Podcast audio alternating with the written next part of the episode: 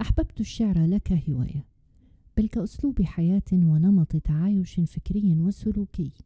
أستطيع من خلاله رسم الصورة المعاشة بأسلوب شاعري يمكنني من تجسيد المواقف الحياتية حسا ومشاهدة.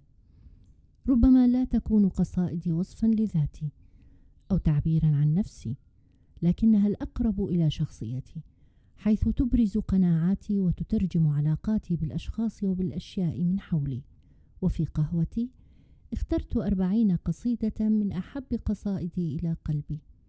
أدعوكم لارتشاف فناجينها الأربعين ولا تقلقوا من تركيز الكافيين.